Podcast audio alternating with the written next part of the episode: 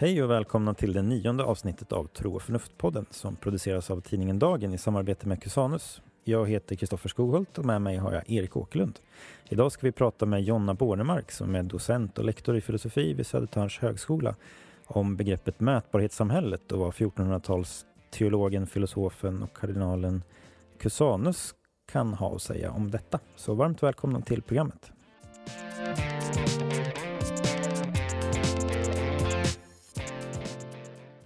Ja, välkomna till det nionde avsnittet. Som sagt, idag är vi glada att vi har med oss Jonna Bornemark som är lektor och docent i filosofi vid Södertörns högskola och mm. verksam vid Centrum för praktisk kunskap. Jajamensan. Ja, roligt att du vill vara med. Mm. Eh, jag och Erik har läst en text som du har skrivit som eh, handlar om mätbarhetssamhället och du kopplar det till en medeltida filosof som du ska få berätta mer om eh, sen. Men jag tänkte först börja med att fråga dig en sak som vi, jag och Erik har sagt att det är någonting som vi tycker är intressant att utforska i de här programmen, nämligen kopplingen mellan filosofi och liv. Så, mm. och det var också en fråga som vi ställde i, i förra avsnittet. Lite grann. Vad har filosofin för plats i människans liv? Och när jag hörde ditt sommarprogram så uppfattade jag att det fanns en intensiv, ganska intensiv relation för mm. dig där. Det vore mm. jätteintressant att höra lite vad du tänker om den relationen. Ja, ja nej, för mig så är det en helt central relation. Och tanken just med sommarprogrammet där var att liksom visa hur intimt sammanbundna filosofin är med livet. Eh, inte bara så där att eh, ja, de filosofiska frågeställningarna uppstår i ett eh, mänskligt psyke och att liksom psykologisera filosofin. Det är liksom inte det som är poängen. Nej. Utan poängen är att, att filosofin handlar ju om livet. Filosofi är liv det är att komma livet så nära det bara går. Och det innebär ju att när man läser gamla filosofiska texter så har vi en tendens att ta dem till oss på ett väldigt abstrakt eller eh, rationellt. Liksom, vi försöker se systemet. Mm. Vi försöker liksom förstå det här. Och då, då kanske det också rör sig bort ifrån livet i, i bemärkelsen av livserfarenheter och liksom mm. det levda mm. livet. Och Det gör att jag, vi, vi, kanske missförstår filosofin lite grann. Mm. Istället för att också se det här som ett uttryck för en erfarenhet, en filosofisk erfarenhet mm. Mm. av vad som är viktigt, mm. av eh, hur världen fungerar, av vad liv är för någonting. En filosofisk erfarenhet, det var ett jätteintressant begrepp. Ja. Den, du kanske inte vill ge en abstrakt definition av vad det är, men kan du säga någonting om det? Ja, det är ju ett, ett försök att skilja det ifrån eh, att reducera människan till en psykologi. Ja. Eh, för att när vi gör det så är vi lite för färdiga med de andra frågorna. Då är människan liksom ett psyke som fungerar i den här världen och den där världen vet vi ungefär vad det är för någonting. Och mm. nu är det här psyket som talar, mm. som är just den här individuella människan. Mm. Men en filosofisk erfarenhet handlar ju om en erfarenhet eh, där man möter livets yttersta, de stora existentiella frågorna. Eh, man kan också möta något sånt som liksom matematikens grunder i det. Eh, vad, vad, är det här liksom matematiska sättet att tänka på när man liksom får djupa insikter? Men det är liksom eh, erfarenheter på det sättet att det inte skiljer på någon sorts eh, professionellt och privat, utan de är där och de är inte bara liksom i dig, utan det säger någonting om världen. Alltså det är en erfarenhet som är helt knuten till eh, frågor som är mycket större än dig själv. Just det. I förra avsnittet pratade vi om en bok som heter Leisure, the basis of culture, som heter Joseph mm. Pieper. Och han han, han driver ju tesen lite grann att, att vi kanske har en lite lägre sensibilitet för, för de här filosofiska erfarenheterna. Har du mm. några reflektioner om mm. det? Ja, jag, jag, jag, är benägen att hålla med honom. Ja. Ehm, och det tror jag beror på att vi också gör den här äh, distinktionen mellan det subjektiva och det objektiva. Just det. Och att vi mm. sitter lite fast i den mm. distinktionen. Mm. Antingen är någonting en objektiv sanning mm. om världen som just inte ska ha någonting med våra livserfarenheter att göra. Eller så är det rent subjektivt och, och snarast någon sorts eh, privat tyckande. Och, och, den distinktionen, ja, då utplånas just den filosofiska erfarenheten som är djupt eh, personlig, eh, som är, liksom, uppfyller hela ja. mig ja. och som verkligen handlar om världen. Ja, just det, just det. Och som kanske inte heller är direkt eh, enkelt språklig. Den kan ju handla om språket, den kan befinna sig i språket men den kanske inte är tänkt i, i en enkel sats. Just det. Den är inte språkligt eh, definierad. Så att säga, nej, det behöver inte vara det i alla nej, fall. Nej. Precis. Jag tänkte på...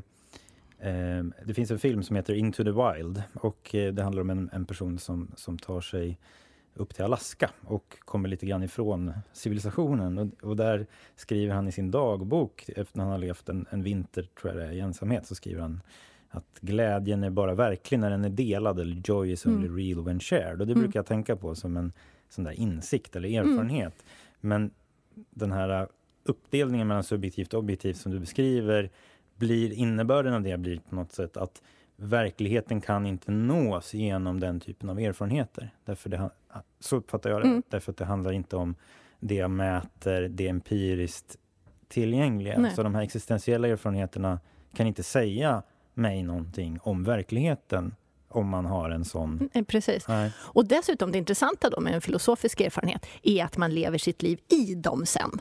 Det, har du haft en sån erfarenhet? Eh, eller, och de kan ju vara av olika magnituder. Ja. En del kommer man ju liksom ihåg och är liksom såna aha-upplevelser. Men jag tror också att man kan finnas mer liksom finstilta.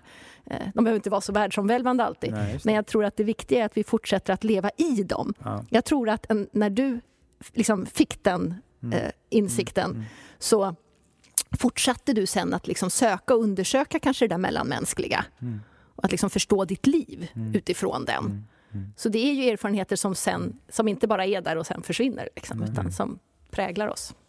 Då finns det egentligen en koppling mellan en filosofisk erfarenhet och en religiös erfarenhet, skulle, som jag skulle beskriva det. Mm. Eh, Hur skulle du förstå en religiös erfarenhet? Ja, men jag skulle förstå det också som en erfarenhet, du sa det där, det är någonting som formar mig. Mm. Det finns ju många andra erfarenheter där jag den som bestämmer, så att säga. Men det finns andra erfarenheter där jag blir gripen av mm. livet och tillvaron, så att säga. Det. Möter det som är eh, större än mig Just. och i någon mening laddat med mycket mening också. Mm. Ehm, och så. Mm. Jag tänkte, ni, ni, pratade förra avsnittet om det här paktivitetsbegreppet mm. mm. och det har väl hemma precis här. Mm. Att det är just en, en, det är så väldigt mycket som vi just inte har bestämt eller som vi inte har kontroll över. Mm, vi har inte bestämt var och hur vi ska leva. Mm. Vi, vi, har inte bestämt alla, allting som kommer till oss på olika sätt och liksom det liv vi möter. Men eh, det finns, en passivitet i det där är ju liksom mitt mottagande av mig själv. Och i det mottagandet så ingår ju just att det, är någonting jag just... Som, som, jag finns ännu inte, utan det är ett mottagande som blir ett jag som är aktivt. Mm mm. i en och samma mm. rörelse. Och jag tänker att de här jag är inte säker på att det ens finns någon riktig distinktion mellan om vi förstår det som en filosofisk eller religiös erfarenhet. Distinktionen är väl kanske bara om vi placerar in det i det vi klassificerar som en religiös tradition och använder liksom en sån begreppslighet kring det. Mm. Eller en sån praktik omkring det. Eller eh, inte. Mm. Jag, jag, jag, har svårt att se att det skulle mm. finnas någon annan substantiell eh, skillnad. Nej, nej. Men att det är såna erfarenheter som just på det sättet griper mm. tag i oss och som mm. vi sen om, liksom, mm. omarmar, eh, mm. gör till vår aktivitet. Mm. Och som liksom kräver en aktivitet. Så det räcker liksom, det stannar inte bara i den där passiviteten. Precis. Ja, vi ska snart också gå in på dagens tematik, men, men jag kommer att tänka på ytterligare en aspekt i Pipers eh, bok när vi pratar om det här. Och han pratar om den här um, hållningen som han kallar för en, liksom en, kon, en, ganska, en kontemplativ hållning som han kopplar till intellektus och så en mottaglighet. Eh, och, och, och, kopplar det också till föreställningen eller tron på världen som en skapelse. Och om man liksom transponerar vad det betyder så tänker jag att det en sak som det betyder är att världen är eh, meningsfull och mm. den är värdefull. Mm. Och den är alltså inte bara ett, ett neutralt eh, material, utan den kan tala till mig. Verkligheten kan tala till mig på ett existentiellt plan. Och det kan jag uppfatta kanske är någonting som har hamnat lite i bakgrunden. Den, vi mm. har inte riktigt mm. världsbilden för det på något sätt, kan jag Vi lever ju i hög utsträckning i en eh, ganska reduktionistisk naturvetenskaplig eh, världsbild där världen egentligen är någon sorts eh, strängar kanske, mm, mm, idag, som ja. snurrar runt på olika ja. sätt och som ja. verkligen är helt fria ifrån mening och något sånt som känslor. Mm. Och, och, där de grejerna bara är pålager mm. liksom, efter det, eller till och med chimärer, mm. eller overkliga. Men å andra sidan så finns det ingen anledning att... Det är inte den enda bilden av hur världen är och det är kanske en inte så himla fruktbar bild och inte ens vetenskapen är liksom fast i den. Vi skulle istället kunna liksom se liv som just det världsskapande. Och vi skulle, materian föder ju hela tiden, eller hela tiden, har i alla fall vid något tillfälle fött liv. Eh, eller att livet träder fram, eh, eller blir levande, eh, materien blir levande. Ehm, och där kan vi se hur, hur, i det allra första lilla livet så är det just meningsskapande. För det skapar just en värld där det är någonting man vill till och någonting man vill bort ifrån. Så det första begäret, det första liksom meningsfylldheten är liksom med redan från början i livet. Och, och det där är, finns ju biologer som liksom jobbar med. Mm. Men vi lever fortfarande i, i, en, i alla fall populärvetenskapligt sådär, i modeller där, där mening är någonting som kommer väldigt sent och som liksom kommer väldigt sent i ett högt utvecklat mänskligt intellekt som börjar ifrågasätta liksom, ja, men vad är meningen Just med det. alltihopa. Mm. Mm. Men liv är mening. Kan du nämna någon biolog som jobbar i, med just den förståelsen? Jag kan framförallt nämna en filosof som har jobbat med att liksom göra den här typen av biologi förståelig och begriplig för oss och som knyter det till filosofin också. Och det är Evan Thompson i hans bok Mind in Life som heter Biology, Phenomenology and the Science of Mind. Just det. Som är, är ja. jätteintressant på det här mm. temat. Ja, tack.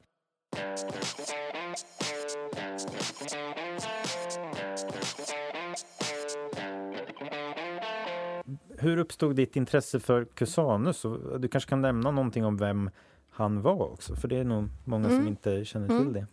Eh, Nicolas Cusanus är en väldigt spännande figur som levde på under 1400-talet och han var alltifrån eh, kardinal, matematiker, filosof, förste, eh, den där typen tidig renässansperson och var just sån också, så där kan allt. Jag vet faktiskt inte riktigt när jag började. Han har på ett sätt alltid funnits i, mina, eh, i, i, min bildningstradition. Och sen så när jag började intressera mig för just skiftet mellan det medeltida tänkandet som jag har hållit på en del med, och jag har hållit på en del med högmedeltiden och 1200-talet.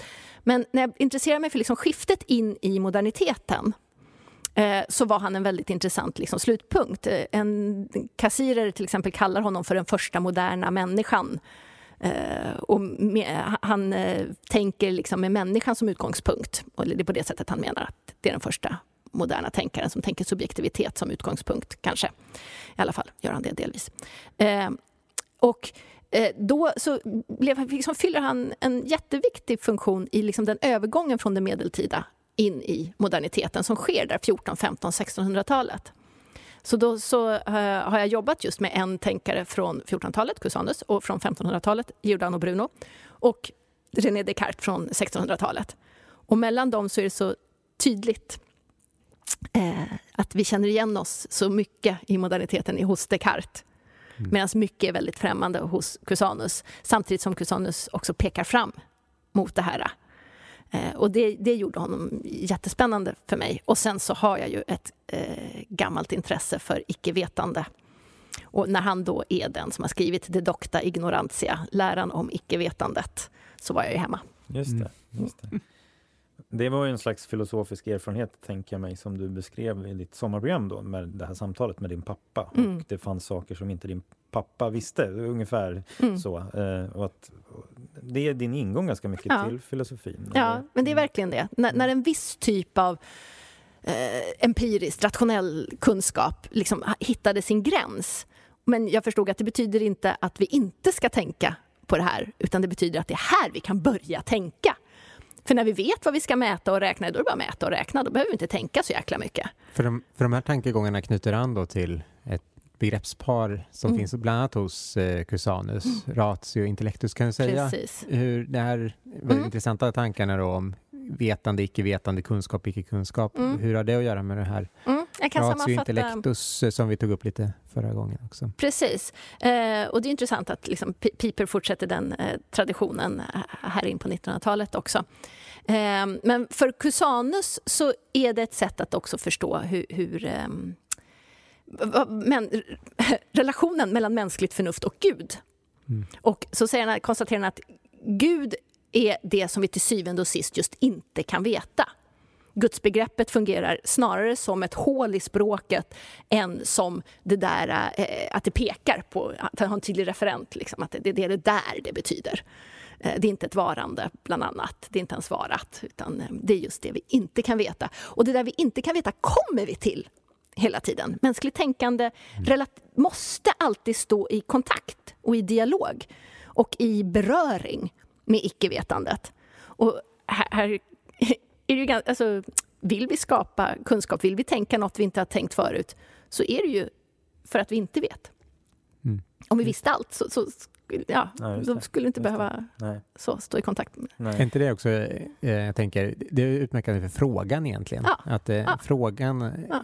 i, i sig måste ha både, vara en blandning av att Veta. veta, någonting och att inte veta. Och Ja. det man är riktad mot är egentligen det jag ännu inte vet. Precis. Alltså det är det som är, är begäret och som är Mm. liksom attraktionen och suget. Mm. är ju mot det som, ännu, som man kanske anar men som, man, som ännu inte riktigt har, har tagit form. Utan man får liksom slänga ut alla tentakler och fundera över vad, vad har det här för form egentligen? Och vad, vad är det? Mm. Och för Cusanus är det alltså intellectus som står i relation till det här icke-vetandet och fångar upp de här quidditas, vadheterna. Och det hänger också samman med liksom en situation och en, en eh, viss diskurs, skulle vi kanske säga idag. Att här, vad är viktigt här? Vad träder fram i relation till det vi inte vet men som vi just har någon typ av eh, sug efter? Mm. Och sen beskriver Cusanus, då, för att komma till andra eh, delen av förnuftsbegreppet, så kommer vi till ett, eh, så levererar skulle man kunna säga intellectus de här vadheterna till ett ratio som definierar dem, lite grann boxar in dem så att vi, nu vet vi vad det är för någonting. Och ratiot placerar dem i liksom ett sammanhang av, av vadheter och eh, hittar en struktur, organiserar, ser likheter, skillnader och kan just därför också börja mäta.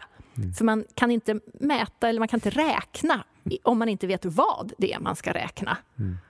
Och det här är ju ganska självklart, men vi tänker sällan på det. Utan vi tänker, det är klart att det är mätandet som ger sanningen. Mm. Men eh, om vi ska räkna hur många träd det finns i skogen så måste vi först ha ett ganska färdig definition av vad ett träd är. Mm. Och den är inte så jäkla enkel att dra. Var går gränsen mellan sly och träd, Mm. till exempel? Visst. Det är intressant när du pratar om just eh, vad intellektus är, då påminns jag om en, en bild som den kanadensiske jesuiten och filosofen, teologen Bernard Lonergan har, där han säger att, eh, att sakna kunskap är inte som att ha en tom låda, utan det är Mm. som att ha en tom mage. Mm. det, är det. liksom, Ja. det är inte bara det att man, man inte har någonting och så konstaterar man det, utan det är någonting man känner. Ja. Jag tänkte på det när du sa att det är ett sug. Ja. Det, det är någonting det, på ett sätt, ja, men på ett sätt så är det, liksom, om man bara tittar på det dött, då är det samma sak. Det är Mm. någonting som saknas. Men, Mm. men i det verkliga livet så är det en väldig skillnad. Att, Precis, att, för att eh, liv är mening. Mm. Och för att liv är meningsskapande, för att livet alltid behöver förstå sig självt. Mm. I, alla Och fall mänskligt liv. meningssökande. Ja, Eh, menings. ja. Precis. Mm. Och, och då är det ett sug, Mm. och då är det ett begär. Och då kan vi inte heller skilja på eh, kunskap och känsla, till Mm. exempel, eller kunskap och begär. De är alltid intimt sammanvävda. För utan begäret eller känslan så är kunskapen helt eh, meningslös. Mm. Visst. Den betyder ingenting. Och då blir räknandet också ja, en, en fullständigt värdelös syssla Mm. Som vi inte behöver ägna oss åt. Mm. När du pratar nu så låter det lite som att ratiots roll, då, om vi tänker att ratio och intellektus är två delar i vår kognition eller så, så är det, det blir mer nästan att organisera vårt vetande. Mm. Men det handlar också om att liksom ha en värld. Alltså en värld är att ha ett kosmos, alltså Mm. inte ett kaos. Mm, Utan det, är, det finns en kontinuitet. mm, Det, det finns liksom, jag är trygg, jag vet just hur den här världen ser ut. Jag kan röra mig inom den för att jag vet, för att jag känner den. Så man ska inte liksom att leva i, i rent intellektus på gränsen till icke-vetandet det, det, är inte alltid en behaglig plats. Eller? Nu har vi pratat om det mer i den här mm. liksom, eh, filosofiska förundran, så, men det är också eh, enormt ångestladdat. Mm. Det, det, är ju ja, en jobbig plats. Mm. Och vi behöver ha, ha en värld och vi skapar hela tiden en värld att vara hemma i. Mm. Ja, om man går till den rent, du pratade tidigare där om att det är som en religiös erfarenhet, det är verkligen närvarande om man, om man tittar på den erfarenheten i den religiösa traditionen att det inte är något rent behagligt mm. direkt. Den brinnande mm. busken och eh, eh, eh den här eh, ja, men fruktan för Precis. Gud i den, den mm. bemärkelsen att det är någonting överväldigande som vi inte ens kan överleva om vi mm. möter direkt. Liksom. Det... Och här handlar det väldigt mycket om kontroll. Mm. Och, och, om att inte ha kontroll. Och viss mm. kontroll verkligen måste vi ha. Men å andra sidan, eh, vårt eh, problem idag kanske inte handlar så mycket om att vi just utmanas av den här eh, fruktan inför det gudomliga eller fruktan inför mm. den överväldigande oändligheten av mm. världen. Utan mycket mer om att vi eh, blir kontroll och trygghetsnarkomaner mm. och just ska ha allt i sina egna små boxar och därmed också tar död på mm eh, livet. Mm. För det levande den där rörelsen, alltså det, där, det finns en annan betydelse av liv här snarare än det vi pratade om mm. lite från början som är livserfarenhet. Men som är liksom eh, liv som rörelse. Alltså, och jag befinner mig i en filosofisk tradition som förstår livet ytterst som ett blivande. Som liksom mm. livets formtagande rörelse. Det, så tycker jag om att tänka på det. Jo, men ibland pratar man ju om att man känner sig mycket levande i Precis. olika situationer, att det finns ja. ladd, laddade livserfarenheter. Ja. Och jag tänkte på det, alltså det behöver ju inte faktiskt vara så nödvändigtvis att en sån erfarenhet är, o, eh, är så att säga negativ för att den ska finnas någonting man ryggar i, mm. inför. Alltså, Nej. Det är jobbigt. Ä, även, även i grunden väldigt positiva sådana upplevelser kan vara lite obehagliga därför att jag tror, och jag tänker att det handlar delvis om att man blir engagerad, man blir personligen involverad. Och det, det finns någonting och kanske också för att man måste rygg, ändra på saker och ting. Ja. Mm. Alltså det, det, är jobbigt ja. att ändra om sitt ratio. Ja. Vi måste ha ett ratio för att leva. Och ibland så kommer det större liksom, omkastningar i det där ratiot. Och mm. även om man förstår att det måste vara så här, mm. så är det ju jobbigt. Mm. mm. Och det här som du sa, kontroll, det tror jag är en nyckel. Mm. Det, det med, med eh, anden blåser vart den vill, alltså livets eh, ande i, i den kristna traditionen. Det, det, är någonting, det är någonting fruktansvärt att inte känna mm. kontroll, inte veta vart man, vart man hamnar härnäst. Det är väl någon tänkare, minns jag inte exakt eh, vem det är, men som gör en skillnad mellan religion och magi på det mm. sättet att magi blir det om man så att säga, brukar gudomligheter för att uppnå sina egna syften. Men religion, eh, och, ja, bland annat krist, kristen, ja, kristen religion, handlar om att snarare då underordnas eller att, att liksom släppa kontrollen och ske din vilja, så att mm, säga. Mm. Eh, så jag skulle kunna ta en, en, eh, vända till på det magibegreppet. För att ja. det finns, jag tycker om magibegreppet. Mm. Jag tycker att vi behöver mer magi mm. idag. För att, um, det som blir problemet med den, och Giordano Bruno är en, en sån som kritiserar Cusanus bland annat då, för att överbetona kanske den där passiviteten som finns i den kristna mystiken. Mm. Eh, där, där det just är den här liksom underkastandet, liksom följa med på de här havets vågor. Och där eh, Bruno beskriver hur människan är liksom en av de former som den här gudomliga rörelsen liksom, eh, låter tar plats. Jag är en sån form. Och, och apropå aktivitetsbegreppet faktiskt. Så jag mm. är passiv, men jag måste just därför vara aktiv. Mm. Jag måste anamma och våga stå för det, den liksom passivitet, det som är jag, det som jag tar emot som mig själv. Jag måste våga stå för det och handla ut för det. Och det är magin. Mm. Att magin är det handlandet som inte liksom utnyttjar någonting utan som, som faktiskt också vågar ta itu och, låt, liksom, och, och forma en värld efter eh, Eh, vågar vara aktiv, mm. vågar eh, göra det man uppfattar som liksom det bästa i situationen. Mm. Så att ibland så, det, det kanske är ett problem i delar av den kristna traditionen om det blir allt för defaitistisk, liksom, allt för sådär, ja, ja, ske din vilja. Så. Mm. Och jag tror att Bruno i alla fall uppfattade det så. Och, och mm. därför så, så, vill han liksom... Och, det här är ju, Bruno lever ju samtidigt som eh, liksom den vetenskapliga revolutionen. Och vetenskapen och magin är ju på många sätt två sidor. Alltså vetenskapen är ju också ett försök att liksom, ja, på det sättet eh, lägga under sig, kontrollera, styra upp. Kunskap är makt. Kunsk precis, mm. precis, forma ett väldigt tydligt mm. ratio. Men eh, skillnaden mellan magi och vetenskapen blir ju så småningom att vetenskapen utgår ifrån ett, framförallt naturvetenskapen då, ifrån ett ganska dött materiabegrepp som är bundet till en ganska strikt orsak-verkan och har liksom ganska, den begränsar sig mm. och blir ganska eh, extremt ratio-fixerat.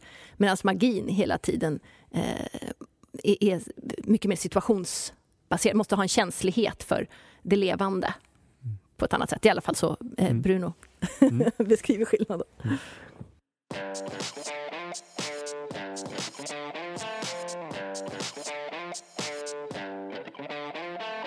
Jag tror att det kan vara en bra övergång nu till den här tematiken som, som eh, du diskuterar i den här artikeln som vi fick läsa, eh, när du pratar om byråkrati i relation till ratio och intellektus. Mm. Vill du mm. kort eh, liksom, säga hur du gör den analysen? Mm. Um, apropå liv, höll jag på att säga. Men, men um, när jag har eh, jobbat på Centrum för praktisk kunskap så har jag mött väldigt många yrkesarbetande människor och många som jobbar inom välfärdsområdet i Sverige. Och sen så eh, går vår undervisning ut på att deras erfarenheter eh, möter eh, humanist, humanioras delar av humanioras teoribildningar liksom, eh, för att tänka vidare. Och där, precis, eh, så var det så återkommande och utifrån mina liksom Cusanus-begrepp sådär, så kunde jag liksom se hur många människor mådde dåligt av att de satt fast i ett strikt ratiosystem när de ville utöva sitt intellektus Ville till, eh, intellektus kan ju också handla om verkligen en fingertoppskänsla i en konkret situation för en undersköterska. Hur, hur bemöter jag just den här eh, damen mm. i just den här situationen? Mm. Det är intellektus. Arbete. Vi har ju en risk, det finns en tendens att vi förstår intellektus just som något väldigt, ja men det kanske några filosofer på universitetet kan syssla med. Men det viktiga här är att, att det, det, framförallt i alla mellan, mänskliga mellanlevande yrken eller praktiker så är det helt centralt. Um, så att eh, jag började liksom, jag, jag såg, kände hur många människor liksom satt fast i ett ratio när de ville vara intellekt. Och när jag liksom grävde lite mer i det där så fick det så småningom till stora delar också ett namn. Eh, dagens ratiosystem som är problematiskt i stor del av arbetslivet, framförallt eh, offentlig sektor, men inte bara där, heter New Public Management den har liksom, det, det, det, den har införts vid ett tillfälle. Det finns andra ratiosystem, men just det här ratiosystemet eh, heter New Public Management. Och det systemet tror på ett slutet ratio där vi också eh, boxar in, kategoriserar och där mätandet är helt centralt. Och där eh, det viktiga sker i papprena. Vi har, kan prata om en förpappring att eh, inte bara så ska du ge den här äldre boende personen eh, mat och dusch. Du måste framför allt se till att du dokumenterar det. Du måste kryssa i eh, rätt eh, rutor och du måste skriva någonting. Alltså dokumentationen eh, dokument och, och pappersifieringen, den är väldigt omvittnad mm. här. Och det betyder att vi börjar utveckla två verkligheter. En pappersvärld och en levd verklighet. Och det absurda är att pappersvärden blir den viktiga. I många fall det är väldigt svårt att garantera kvaliteten på den här typen av verksamheter. Och när pengarna sticker iväg i vinster, alltså det är ju vinstintresset som, som driver på New Public Management. Det går inte att komma ifrån. Det är liksom en, en, en stark politisk fråga. Men den är helt central. För att det är just för att pengarna riskerar att pipa iväg som vi måste ha ett hårt kontrollsystem. Och kontrollsystemet sker eh, i papperna. Det handlar väldigt mycket om att kolla att papperna är i ordning. Och det, det, för det är svårt att vara man, Kontrollanterna kan inte vara i varje elevsituation. Mm. Samtidigt så går, går väl den här, jag tänker New Public Management kommer in på 80-talet, samtidigt går den här traditionen ändå, eller rationaliseringen ändå längre tillbaka. Om man mm. tar en sån som Weber som skriver på 1910-20-talet så är det ändå eh, väldigt samma tendens eller samma typ av beskrivning och han tänker sig då att det, det här är någonting som både sker inom, inom stat och inom mm. företag. Så. Jajamensan. Alltså ratifieringen är ju en del av moderniteten. Moderniteten från Descartes och framåt handlar ju, alltså det har med det här tryggandet och kontrollerandet som vi pratade om tidigare att göra.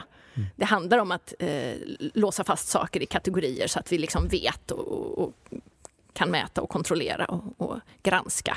Eh, så att det, det, är en tradition som eh, finns i hela den västerländska moderniteten. Eh, men just i Sverige idag dem, så, så, tar det just nu formen av New Public Management. Men det betyder ju att eh, om vi kritiserar New Public Management och New Public Management försvinner så betyder inte det att vi är av med ratio-kulten. Utan vi måste gå lite djupare mm. i kritiken, för det finns en ganska bred kritik av New Public Management. Men jag tycker att den måste liksom fördjupas och vi, vi måste liksom se inte bara problemet med just den här styrformen utan det som driver fram den, som är en liksom ratiofiering. Mm. Jag uppfattar det som att det finns en konflikt här mellan rättssäkerhet å ena sidan, mm. eh, att alla ska få samma vård till exempel och så måste vi dokumentera att alla får det. Mm. Och eh, kvalitet då egentligen. Mm. egentligen. Eh, och regeletik och dygdetik tycker jag att det handlar väldigt mycket om. Mm, visst, ehm. verkligen. Och, och och, och, menar, ehm, den idén om rättssäkerhet, eller för den delen hela den moderna byråkratins mm. framväxt som en kritik av korruption, mm. av maktcentralisering, eh, mm. den är ju fullständigt rimlig. Det, det, finns ju ingenting som säger att vi ska gå bakåt i, i den här utvecklingen. Um, och, och, ja, så, så, att kritiken är helt eh, rimlig. Problemet är att när man utvecklar den här gigantiska förpappringen så finns också en risk att vi tror att vi har kontrollerat och ägt och att saker och ting är rättssäkra.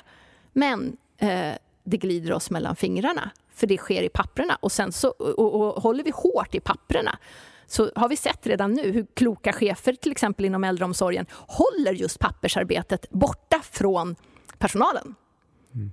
Och det blir administratörer som fixar pappersarbetet för andra administratörer. Och i den världen lever rättssäkerheten. Mm. Men ju mer vi utvecklar byråkratin, desto mindre kontakt har den med den levda verkligheten. Och vad som sker där blir liksom mindre och mindre relevant till och med. Mm. För att det är papperna som ska vara säkra. Och det, dessutom så är det absurt att man kallar det för kvalitetssäkring. Mm. Men det är ju ett undergrävande av kvaliteten.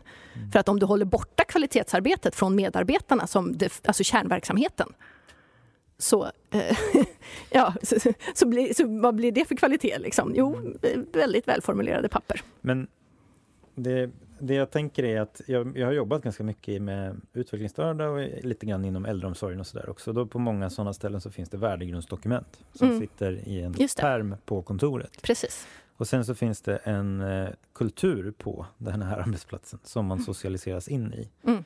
Och det knepiga är att man jobbar ju inte med kulturen, organisationskulturen. Det är den Precis. som skulle innebära någon form av styrmedel om man vill mm. använda det ordet så att säga. Men, mm. men det är det, är, det, det, är så att säga, det här är ju en samhällspolitisk fråga men mm. det, det är någonting som, som du liksom identifierar i, i den här um, artikeln. Och, alltså det, det, det jag menar är att å ena sidan så är det så att vi från politikernas håll så vill man kunna styra verksamheten så mycket som möjligt därför att det handlar om vad medborgarna ska få. så att mm. säga. Men å andra sidan så är verksamheten sådan att det går inte att styra den om den ska bli bra. Nej. Alltså detaljstyra den. Och ju mer man styr den finns det också en risk att den blir sämre. Exakt. Att det just motverkar sina mm. syften. Mm. Um, och, och, det kan vi också, det blir en fjärrstyrning mm. av situationerna. Ja, just det, just det. För att eh, till exempel så eh, har jag haft, hört personer som vittnar om att eh, ska man få extra resurser till exempel på ett äldreboende och det får man om,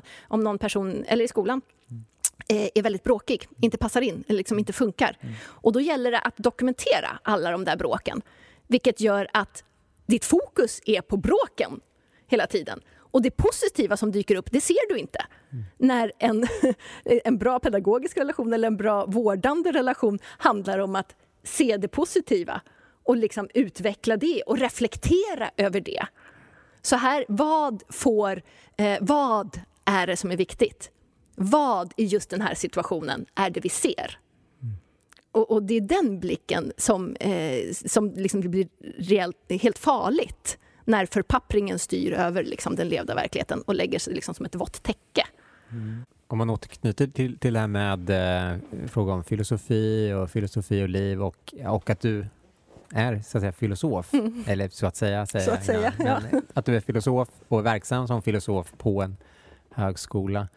Um, hur skulle du säga att det här påverkar vad man kan göra i, i filosofi på mm. universitet? Och lite större, finns det, finns det någon del, eller kanske uttryckt på ett annat sätt, finns det någon del av den här filosofiska traditionen, filosofi i den bemärkelse vi kanske pratar om här, som kanske inte är möjlig att göra på dagens universitet och, och högskolor?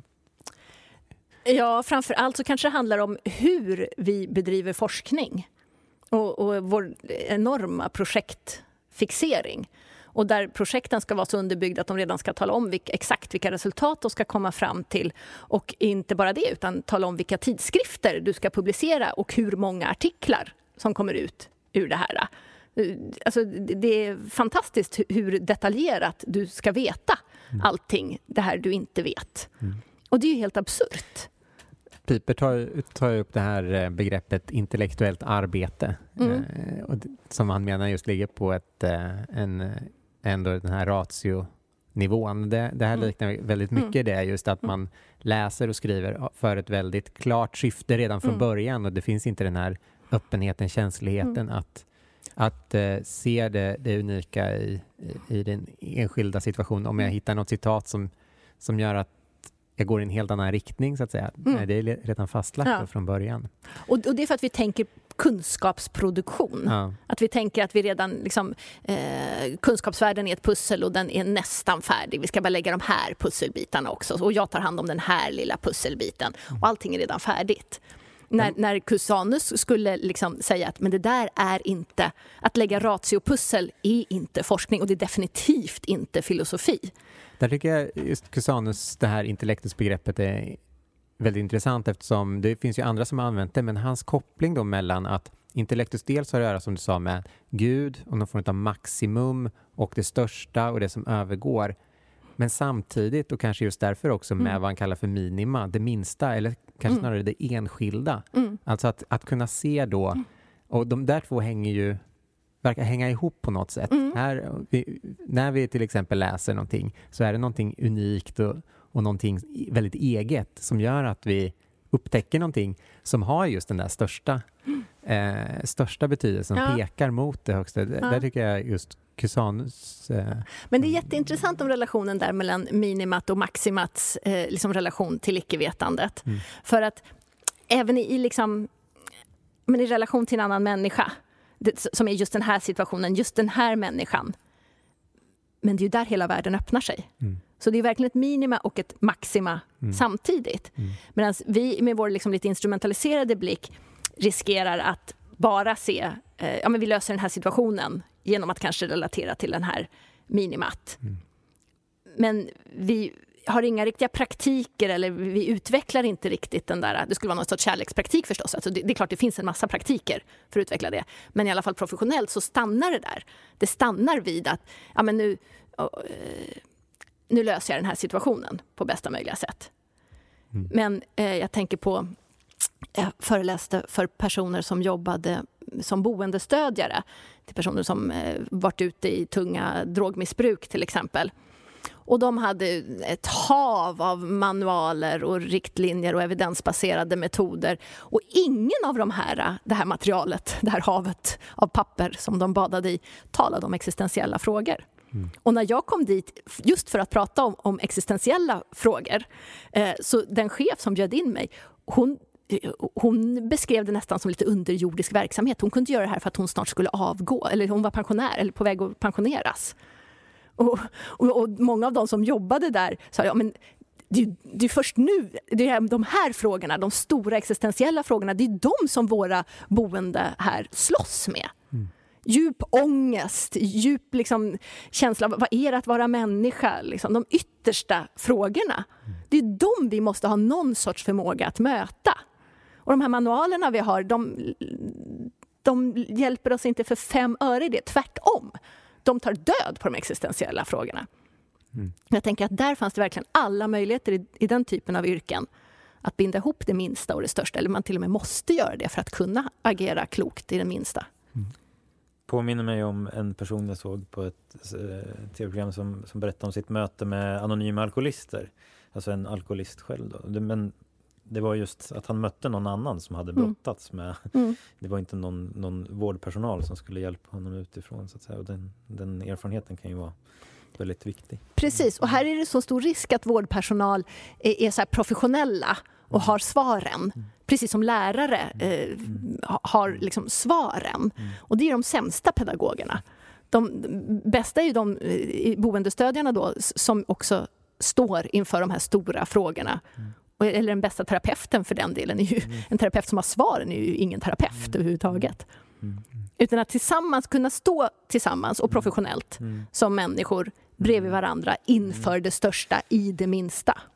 Och det kanske på ett sätt knyter an till en, eh, det som, som jag tänkte också att den här motståndet mot det personliga engagemanget och det personliga mötet i de konkreta verksamheterna.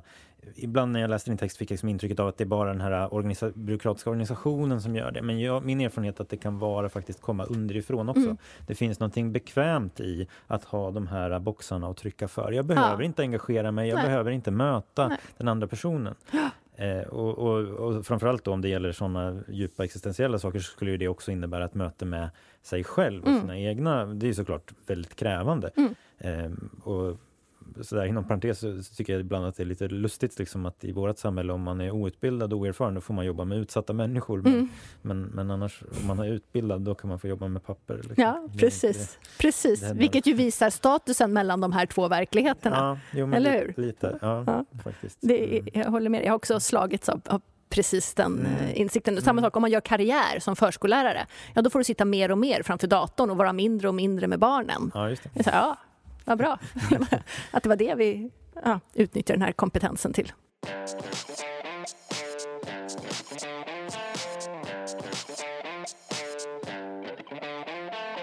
Ja, vi börjar närma oss slutet på det här samtalet och det finns ju väldigt mycket som man kan borra vidare i och gå djupare in.